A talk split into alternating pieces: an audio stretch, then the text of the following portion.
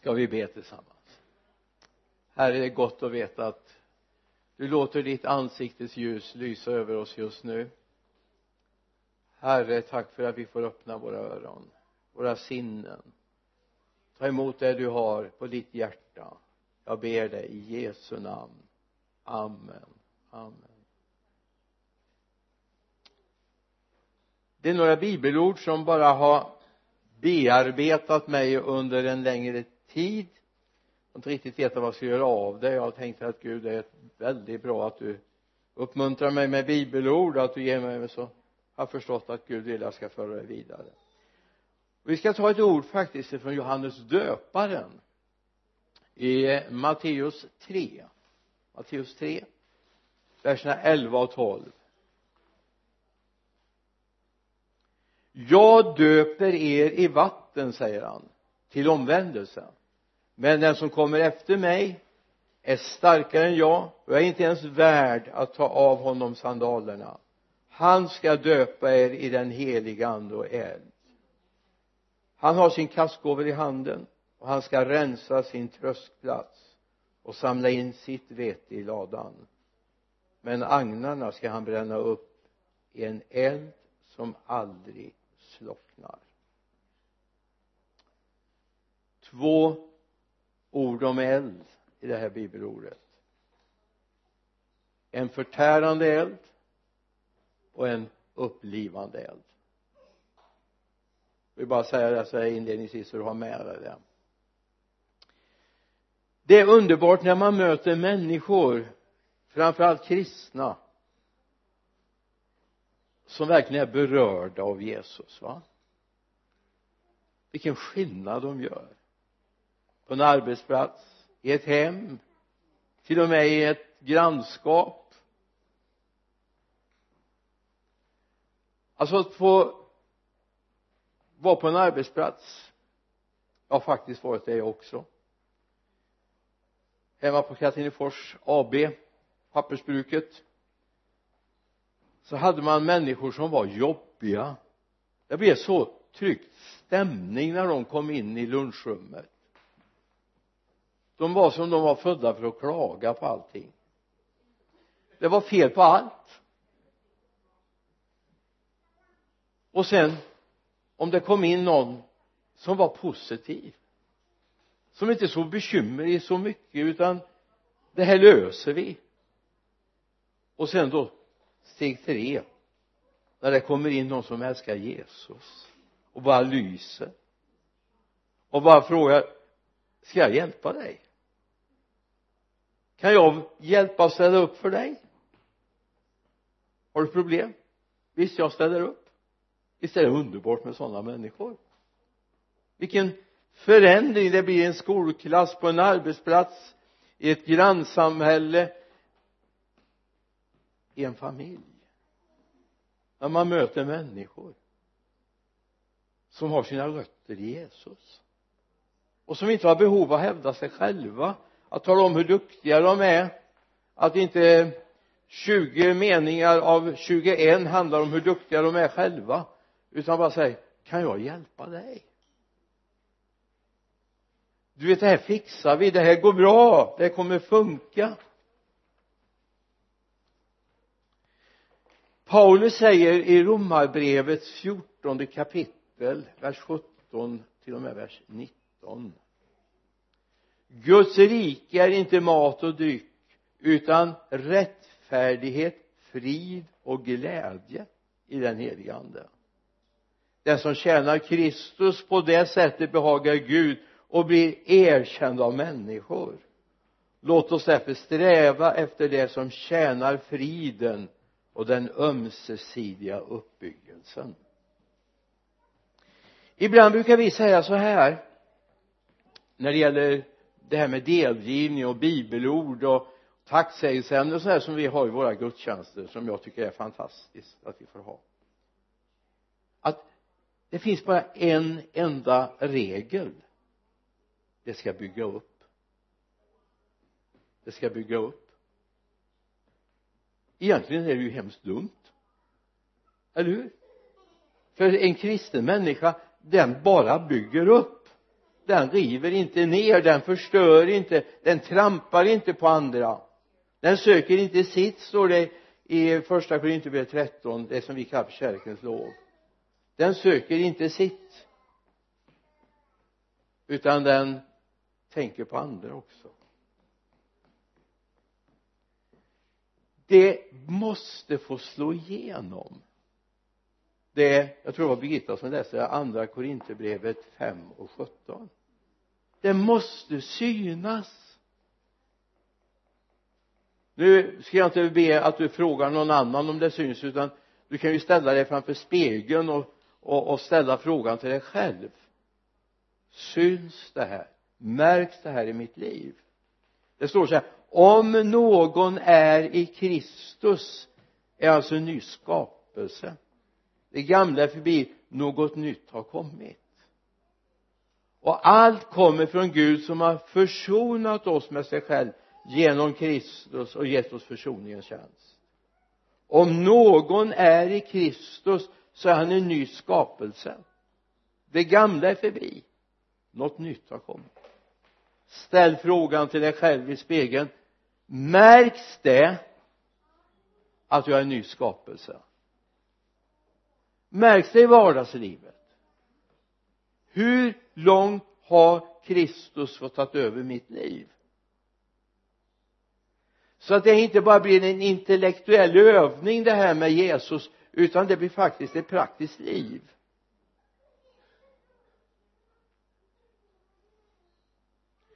Det måste märkas att Jesus är kung här va?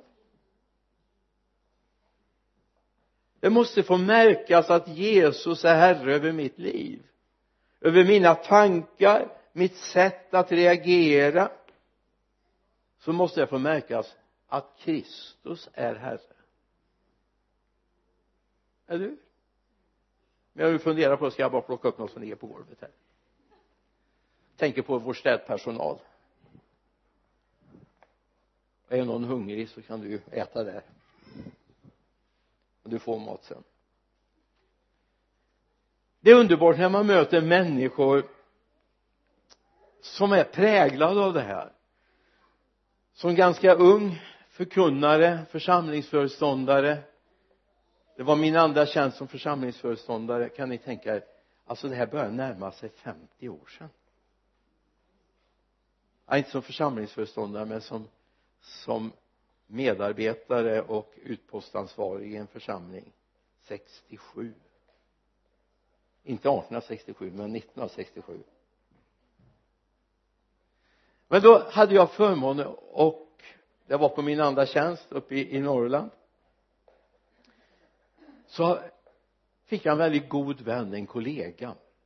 Han var i pingstförsamlingen heter Gösta Kalmeborg han har söner som är för, pastorer nu inom pingströrelsen. En sån här helt underbar människa och så när han sa det du sa han kan inte vi mötas en gång i veckan och läsa bibeln och be tillsammans? Alltså jag flög på moln. Tänk att Gösta ville en äldre erfaren församlingsföreståndare ville dela sin tid med mig. Och vi grävde Guds ord tillsammans.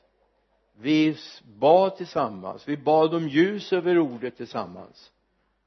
Han var en sån där person så det räckte att han kom in i ett rum så kände man en atmosfärsförändring.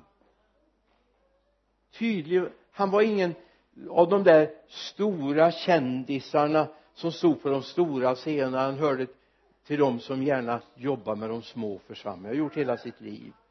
Han flyttade från Husum ner till Söderåker söd, eller utanför Sundsvall till en mycket mycket liten församling och han satte den församlingen på kartan bara genom att han var. Bara för att han var. Söderberget är förlåt mig Söderberget alltså det, det är fantastiskt att möta de här människorna. Jag mötte ytterligare en missionär Helge Westin är hemma hos Herren idag från Bjästa söder om eh, Örnsköldsvik. Jag är väldigt fokuserad vid Örnsköldsvik just nu förstår ni med tanke på eftermiddagen här han hade varit missionär i Afrika. Och på den tiden var det väldigt vanligt att om en församling fick en missionär till sig att man försökte få någon skoltid. Och eftersom jag var skolpastor och ansvarig för den andliga vården i skolan och både lärare och elever så hade jag ordnat in honom att han skulle få möta niorna. Eh, I den kursplan de hade då så läste de om eh, om både andra religioner man läste framförallt Afrika. Så tre paralleller skulle han få möta och tanken var att de skulle komma med 30 minuters mellanrum. Han skulle ha 20 minuter med varje grupp. Det tänkte de det är vad han klarar. Eller vad de klarar. Det var en del av eleverna som var rätt stökiga. En del fick inte vara i klassen utan vi hade en en speciallärare på skolan som fick ha hand om dem för att överhuvudtaget få något gjort i klassen. Och så hade det blivit en planeringsmiss. Så alla 90 eleverna kom till samma tillfälle. Vi hade bokat in oss i matsalen längst bak. Det var en stor, mycket stor matsal. Han hade lite attribut och sånt som han ville ha med. Så eh, 90 elever och läraren sa det här går aldrig och Helge Westin sa det här går väl hur bra som helst. Ni vet i Afrika har jag haft mycket mera elever. Och då sa de ja Afrika ja. Men nu är vi i Sverige. I 60 minuter höll han dessa elever så de satt knäpptyst. Och den applåden han fick när han slutade efter 60 minuter den har jag inte hört i något sammanhang förut det var jubel det var ja man visslade man applåderade man stod upp. Och så säger lärarna efteråt han gjorde alla pedagogiska fel man kan göra. Gjorde precis allt fel.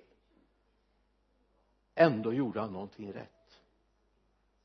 Han kände den han pratade om. Och han kunde beskriva så att det var som att de ville ha det. Han hade ett det han kände honom. Och han gick in det var som en atmosfär när han gick in. En period så tänkte jag så här att jag har säkert missförstått det. Jag har tänkt fel. Men så mötte jag faktiskt någon som var med i den här samlingen som kände den Helge Westin och sa nej så här var det. Vi var där också. Ibland kan man ju liksom med långt perspektiv liksom börja ja storyn blir bättre och bättre va det är underbart med människor som har detta det de har mött honom. De präglar sin omgivning. Och därför är det så underbart när man får tack och lov människor tack och lov kristna och inte ack och ve men kristna vet det finns så mycket ack och ve människor och det finns till och med ack och ve kristna ja det är ju bra men om han vore lite bättre eller hon skötte sig bättre eller det är gott med tack och lov människor. Alltså vi behöver en tid. När det som Jesus talar om i Johannes 5 och 14 bara får slå igenom i den kristna kretsen det står i vers 14 ni är världens ljus. Och så står det en stad som ligger på ett berg kan inte döljas. Är du en av de där stadens människor? Där du finns i vardagslivet, där du finns på arbetsplatsen, där du finns i skolan. Sätter du en prägel? Jag menar jag hade en period när jag då framförallt när jag var skolpastor uppe i Husum eh, på den här låg mellanstadiet och högstadieskolan. Så kallade de mig för Jesuspastorn jag varit lite irriterad först jag men kan väl säga mitt namn. Jag tänkte de drev med mig. Men nu gjorde de inte. De talade om Jesuspastorn så att det är väl ett ärobegrepp det är inte så ofta de har kallat mig för det sen men jag hoppas inte Jesus har sjunkit undan bara. Utan han finns där fortfarande. Att jag är en tack och lov kristen. För han är med oss varje dag. I alla livets situationer finns han där. Är du en del av staden på berget som inte kan döljas? Är du en del av staden på berget som inte kan döljas? Tänk när en överlåten glad kristen träder in i ett hem.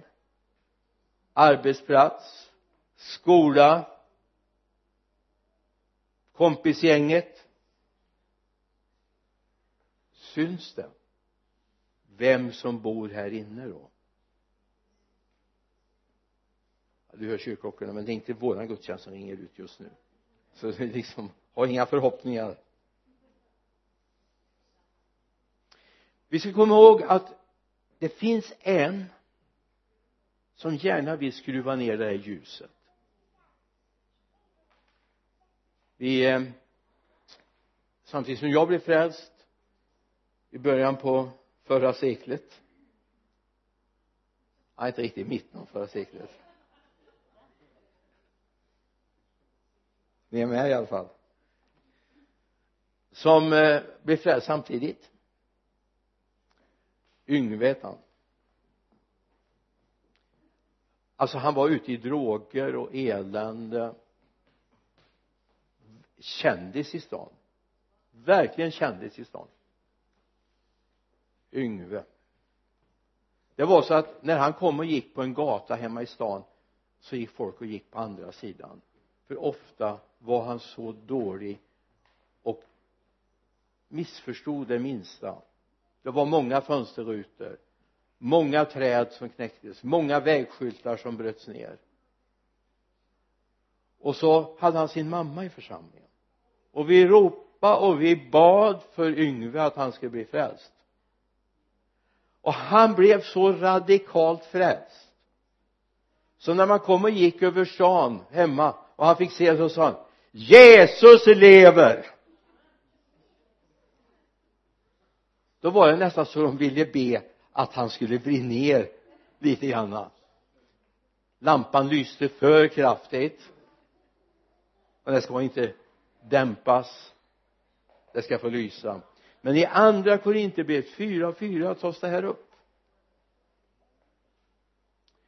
Den här världens Gud har förblindat det otroende sinne så att de inte ser ljuset som strålar fram i evangeliet om Kristi härlighet han som är Guds avbild. Så att de inte ser. Den här världens krafter har försökt dämpa. Nu hoppas jag inte församlingen har sådana krafter. Men man vet aldrig.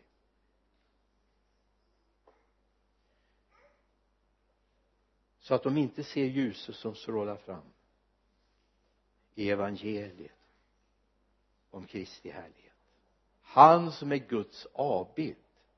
Han ska stråla fram genom dig.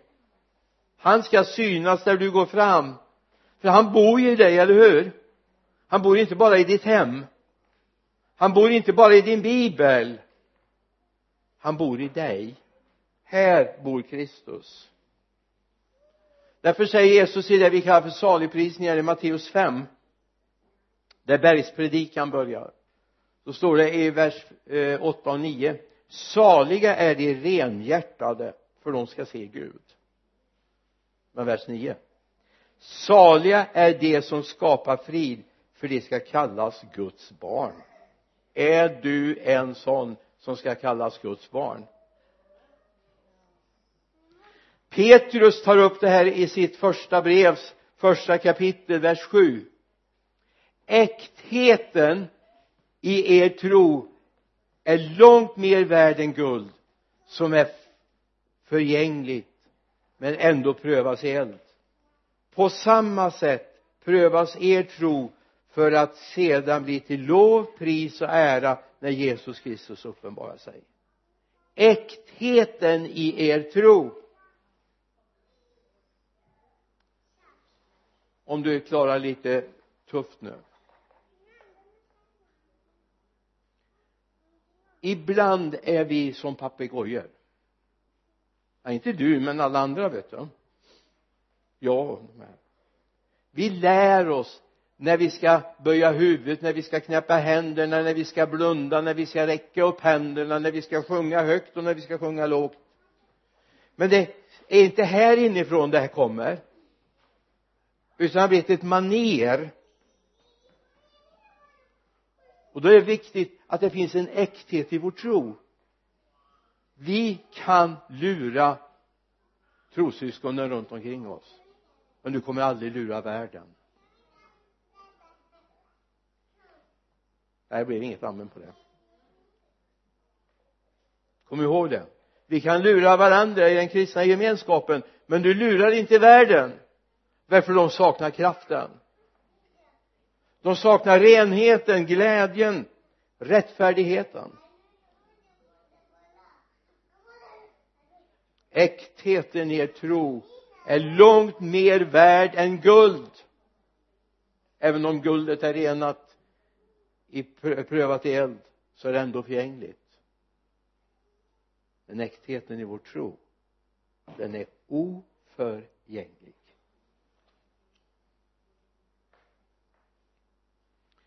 Så det är bara att konstatera vi behöver i den här världen som vi säger är så ond så behöver vi smittsamma kristna. Alltså sådana där människor kommer och säger ja är du kristen? Ja men då vill jag bli det också. Jag vill ha samma helighet jag vill ha samma renhet.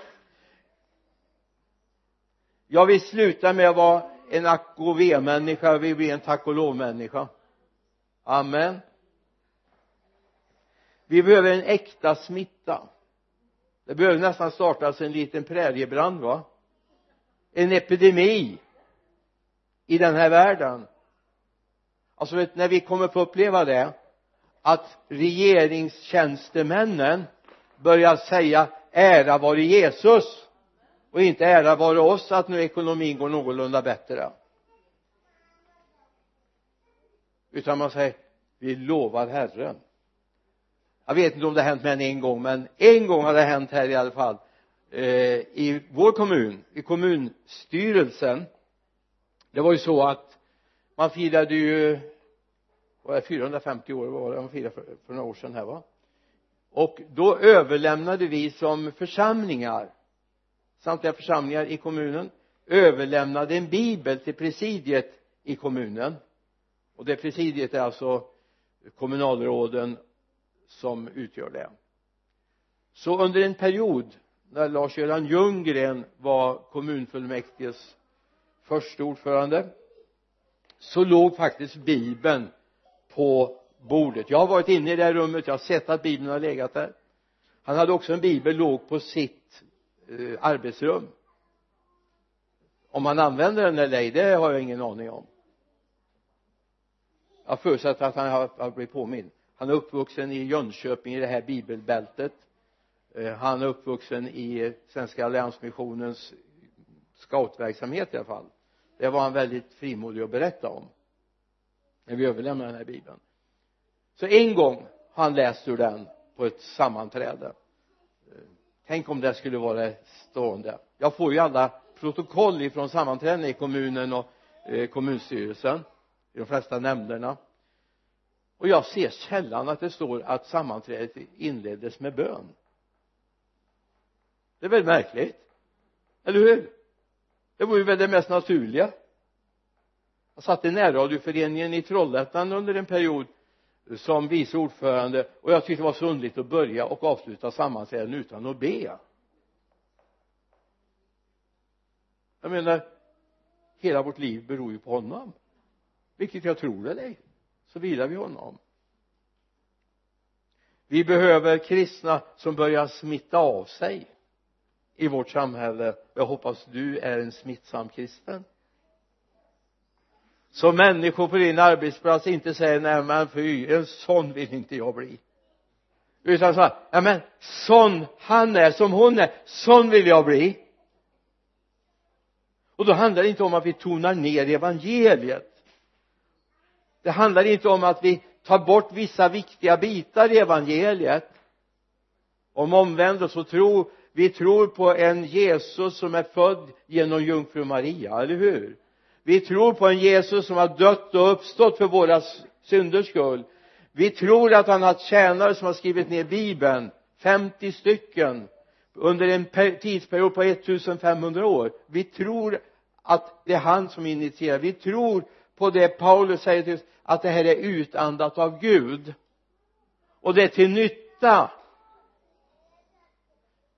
Vi tror på det. Och då ska vi inte ha ett nedtonat evangelium då kommer de inte vi väcka respekt. Möjligtvis för oss själva men inte för evangeliet. Paulus säger i andra Korinthierbrevet fjärde, fjärde kapitel verserna 5 och 6 vi predikar inte oss själva utan Jesus Kristus som Herren och oss som era tjänare för Jesus skull. Gud som sa ljus ska lysa ur mörkret. Han har lyst upp våra hjärtan för att kunskapen om Guds härlighet som strålar ut från Kristi ansikte ska sprida sitt ljus. Amen. Ljuset ska lysa ur mörkret. Han har lyst upp våra hjärtan är du med? Han har lyst upp våra hjärtan för att kunskapen om Guds härlighet som strålar fram från Kristi ansikte ska sprida sitt sken. Så det ligger bra till vet du. Amen. Vi behöver för detta uppdrag brinnande hjärtan. Vi behöver brinnande hjärtan.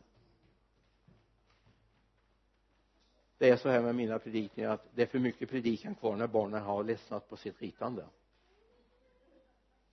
Det är ju som med lönen och månaden. Det är för mycket månad kvar när lönen är slut va? Sista jag får tänka på det. Och de hinner en gång till innan jag är färdig så att ge inte upp. När Mose drabbas av kallelsen borta vid Horeb du känner till den? Berättelsen i andra Moseboks tredje kapitel. Så är det jag ska inte läsa sammanhanget du får gärna slå upp det ha det framför ögonen. Andra Moseboks tredje kapitel med verserna 1 till och med vers 6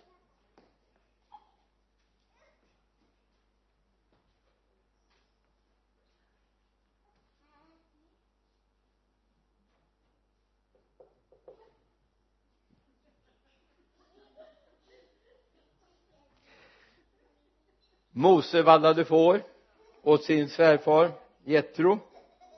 Och så när han kommer till Horeb så gör han en upptäckt. Han gör en upptäckt. Det är en buske som brinner där borta. Och den var varken, brann varken upp eller ner. Den bara brann men förtärdes inte.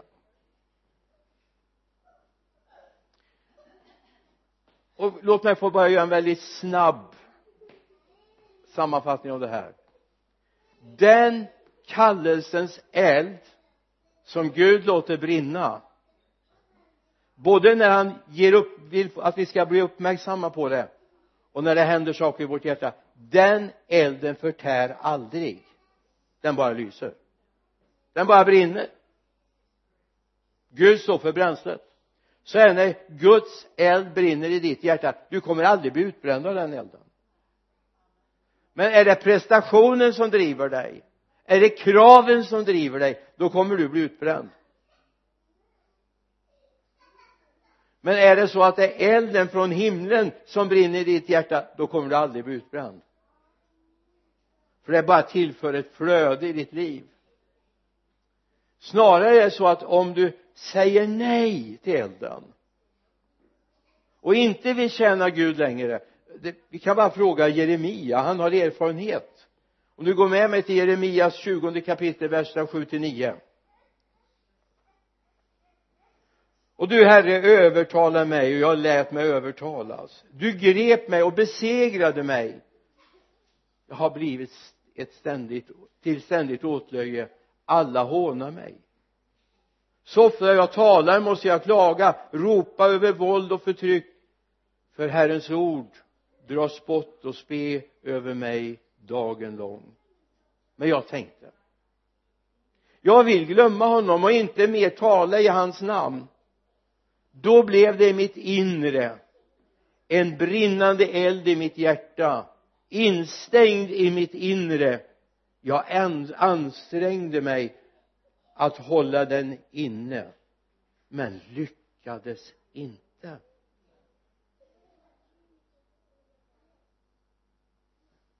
Alltså när Gud har tänt elden i dig kan du inte vara tyst. Du kan inte låta bli att lovsjunga. Du kan inte låta bli att prisa Gud. Du kan inte låta bli att vittna. Du kan inte låta bli att det syns där du går fram vem som bor i dig vad var det vi läste? Jo vi läste att Johannes döparen sa att jag döper er i vatten till syndernas förlåtelse men han som kommer efter mig vars skor jag inte kan ta av. Ja det är ju lite märkligt egentligen men i eh, det judiska samhället i den tiden så var det så här när man någon kom till ens hem så var det värden som böjde sig ner och knöt upp skoremmarna. Tvättade deras fötter som en välkomsthälsning. Vet det, det är liksom ett snäpp mer än när vi tar varandra i hand och säger var välkommen att du kom och möjligtvis räcker fram en galge. Det är lite mer. Men då säger Johannes jag kan inte ens göra det för honom. Men han har kommit av ett speciellt uppdrag. Han har kommit för att döpa i helig ande och eld. Jag vet inte om du har funderat på vad är skillnaden mellan att vara döpt i anden och vara döpt i eld?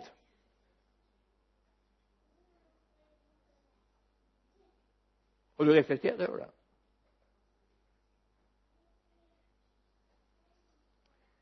Att vara döpt i anden det är att vara utrustad av Gud. Var medveten om att jag är fri från synd och värld. Att jag är medveten om att Gud har tagit mig ut ur världen. Elden står för amplitud nej jag ska inte använda för kraften för uthålligheten för intensiteten. Man kan alltså vara döpt i den heliga ande utan att ha en intensitivitet. Och det var ett svårt ord. Så här på slutet av predikan. Alltså då blir man bara glad i sig själv. Men när man är döpt i den heliga ande och eld då får man en energi att föra ut budskapet då får man energi att vara med på bönemötena då får man en energi att leva ut det kristna livet både i hemmet och i vardagen och i vardagslivet. Därför behöver vi vara döpta inte bara i den heliga ande vi behöver vara döpta i eld vad är det de säger de här Emmauslärjungarna? Du har det i Lukas det 24 kapitlet. De är på väg utifrån Jerusalem förtvivlade över det som har hänt i Jerusalem. Deras mästare, deras Jesus har de korsfäst. De har dödat honom. Och så tycker de det är en märklig person som kommer och går vid sidan av honom och säger men du måste vara en främling som inte vet vad som har hänt i Jerusalem. Var det någon som visste det så var det ju han. Eller hur? De hade missat uppståndelsen. Och så läser vi vers 30-32 och när han låg till bords med dem tog han brödet tackade Gud bröt och gav åt dem. Då öppnade deras ögon och de kände igen honom men han försvann ur deras åsyn. Då sa de till varandra brann inte våra hjärtan i oss när han talade med oss på vägen när han öppnade skrifterna för oss? Brann inte våra hjärtan i oss? Och den frågan behöver vi ställa oss. Har Guds eld fått sätta fart och fyr på våra liv? Brinner du för Jesus? Har du rätt driv? Eller är det bara det här ja men de förväntar sig att jag ska eh, jag måste jag, ja men jag kan ju ändå det här så jag måste ju ändå hjälpa till. Lägg av du kommer inte vara till någon glädje för Herren. Men om du blir fylld av den heliga ande och eld då kommer du brinna för honom. Då säger kan jag få göra det här? Kan jag få vara med? Jag, men jag kan ju ändå. Kan jag få vara med och göra det här? Det är dit vi behöver komma i allt det vi gör. Inte för att jag ska säga att jag kan det jag gör men jag är glad för att jag får göra det. Jesus säger så här i Lukas 12 49 jag har kommit för att tända en eld på jorden.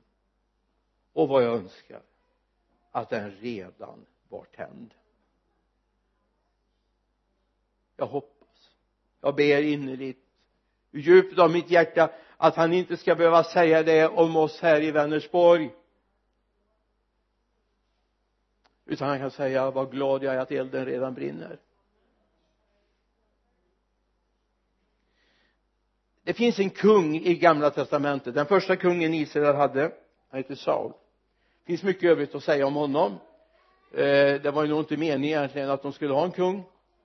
Men Gud är ödmjuk yes och lyhörd och säger ja men det här blir inte bra. Men är det så det ni vill där så ställer jag upp och så fick de smörja en som var huvudet längre än allt folket Saul. Det var inte så underligt att inte lilla David kunde ha den rustningen. Alltså den släpar ju omkring så det skrapar i backen va? Han var huvudet längre än folket.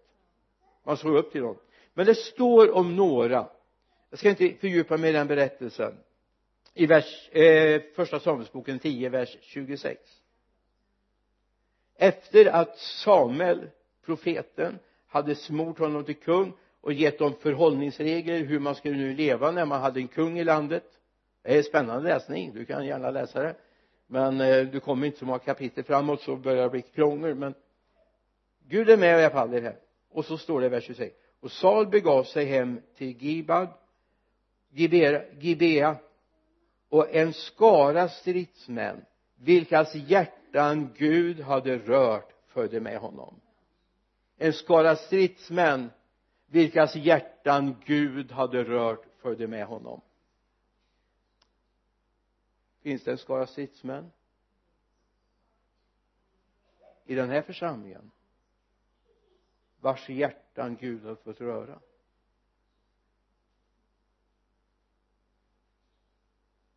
Det är en kallelsefråga. Det är en överlåtelsefråga. Gud vill att våra hjärtan ska vara brinnande. Han vill döpa oss i den helige ande och eld. Han vill ge oss all den information som himlen rymmer. Han vill uppfylla oss med den helige ande så att vi kan ha alla de gåvor all den tjänst Gud vill att vi ska ha. Men så vill han också tända elden i oss så att vi får en power i det vi gör. En överbevisning i ande och kraft. Du behöver det. Det är det du ska stå till svars för en gång. Varför lät du inte elden brinna i ditt hjärta? Inte huruvida du kunde alla bibelböckerna framlänges och baklänges. Det är jättebra att kunna dem. Men det är bättre att veta vad det står i dem. Och vem det handlar om. Det är viktigare att lära känna honom jag menar en del de har sina bibliotek hemma så har de en mängd biblar från 1800-talet och framöver va? Men vad hjälper det om de inte vet vad det står i dem det är bra att ha en bibel på nattduksbordet eller köksbordet men det är bättre att veta vad som står i den. Det är inte pärmarna som kommer frälsa dig utan det är honom som det handlar om. Det utandade ordet som kommer göra under i ditt liv det står om de första apostlarna. De här som samlas på övre salen det var 120 stycken så det var inte så liten skara. I apostlagärningarna 2 vers 1 när pingstdagen kom var de alla samlade. Då hördes plötsligt från himlen ett dån som en våldsam storm drar fram och det fyllde hela huset där de satt. Tungor som av eld visade sig för dem och fördelade sig och satte sig på var och en av dem. Alla uppfylldes av den helige ande och började tala främmande språk allt eftersom anden ingav dem att tala. Hallå?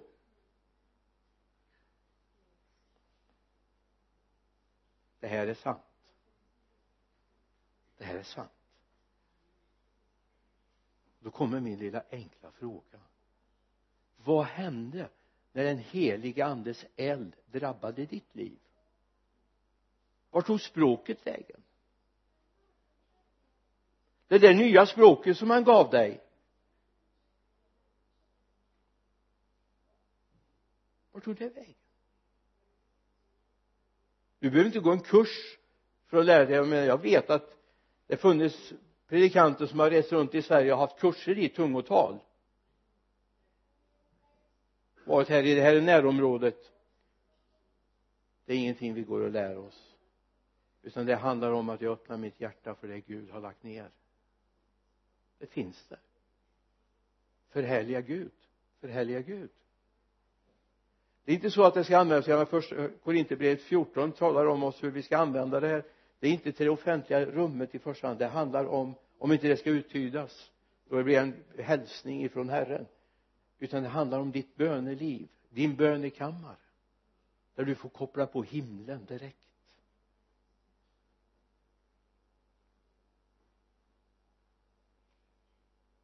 Det finns ett uttryck som Paulus använder i första, andra Timoteusbrevets fjärde kapitel som jag har funderat väldigt mycket på det står i vers 2 predika ordet träd fram i tid och otid. Tillrättavisa, varna och förmana med allt tålamod och all undervisning. När det är otid? Jag kan säga dig inte här nu. Då är det tid.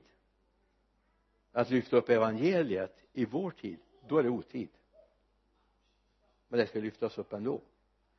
För det står så här i vers 3 det ska komma en tid då människorna inte längre står ut med den sunda läran utan samlar åt sig mängder av lärare efter sina egna begär så som det kliar dem i deras öron att få höra.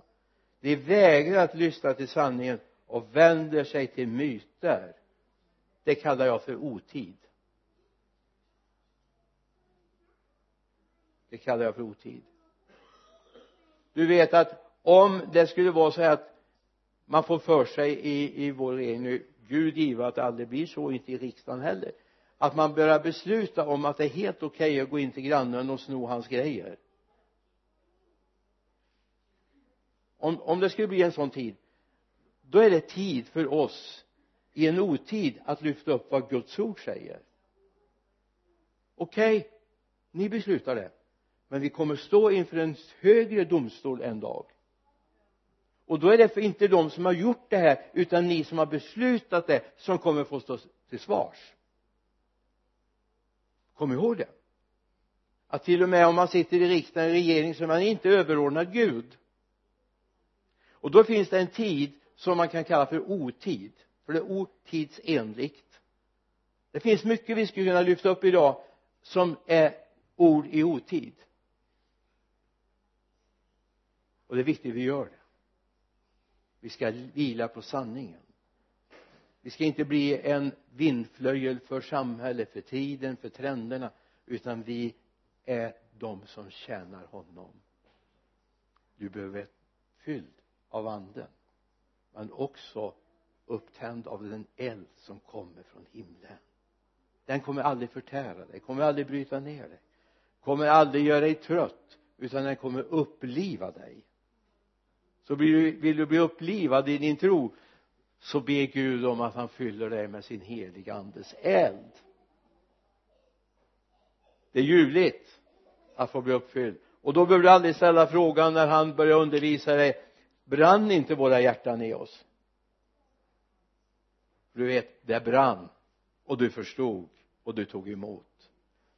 Och det var min lilla hälsning. Ja liten och liten men det var min hälsning i alla fall den här söndag förmiddagen den här glädjens dag som vi har idag va? Vi fröjdar oss. Och då vi står i tro och ber för dem som har ett stycke kvar på sin ansökan om uppehållstillstånd i vårt land. Men framför allt står vi i tro att du ska få uppfylla den helige ande. Helt och fullt. Helt och fullt. Ska vi be.